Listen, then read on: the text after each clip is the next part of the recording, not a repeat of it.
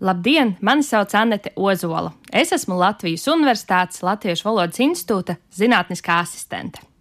Vai zini, cik svarīga valodas lietošanā ir intonācija? Mēs visi runājam vienā valodā, bet valoda no vienas Latvijas malas līdz otrai var krietni atšķirties. Rakstos neapzīmēta, taču ļoti labi dzirdama īpatnība ir intonācijas. Latviešu valodā tās ir trīs - laustā, stieptā un krītošā taču tas nenozīmē, ka mēs visi tās lietojam. Latvijas teritorijā ir tikai divi apgabali, kur ir visas trīs intonācijas. Viens ir vidzemē, un otrs ir zemgalē, taču pārējā Latvijas daļā dzirdamas divas intonācijas. Piemēram, lībiskajā dialektā krītošā intonācija sakritusi ar lausto, tāpēc krītošo intonāciju šeit nedzirdēsim. Interesanti, ka viens vārds Latvijas teritorijā skanēs dažādi. Citur to izrunās ar laustu intonāciju, citur ar stieptu, bet citur iespējams pat ar krītošu. Jau iepriekš stāstīju par galotņu noraušanu. Tā tiešām ir slavenākā lībiskā dialekta iezīme.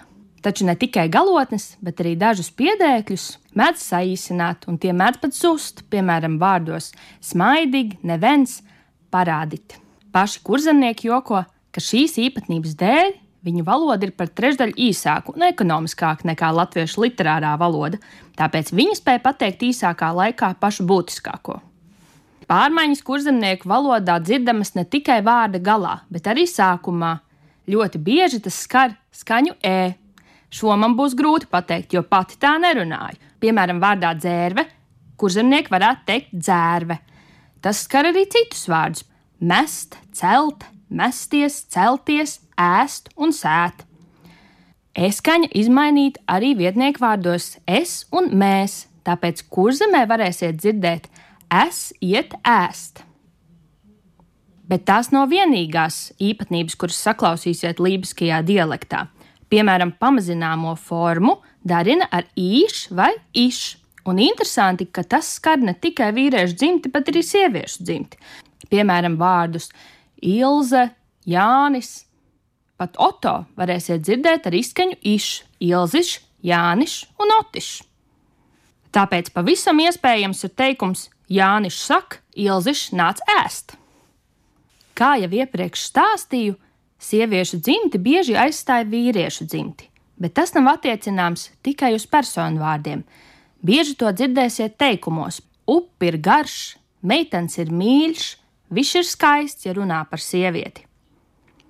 Vai šīs īpatnības dēļ rodas pārpratumi? Pārsvarā nē, bet gadās, īpaši, ja nav dzirdēts konteksts. Valodas īsināšana novērojama arī trešās personas darbības vārdu lietojumā visās formās. Tāpēc pavisam normāli lībiskajā dialektā ir teikt: es iešu uz skolu, mēs iesim uz jūru, jūs dzers kafiju. Par ļoti labu īpatnību varētu saukt arī to, ka viņi saīsina vienu vārda daļu, bet pagarina citu. Tāpēc bieži priedēkļi būs saīsināti, piemēram, jādāra, penāk, jasmējas. Lai cik interesantas šīs īpatnības neizklausītos, kurzemnieki ļoti lepojas ar savu izloksni. Viņi paši mēdz teikt, ka tāmnieki nemīl sarežģīt, tāpēc izmanto šādu vienkāršotu sistēmu.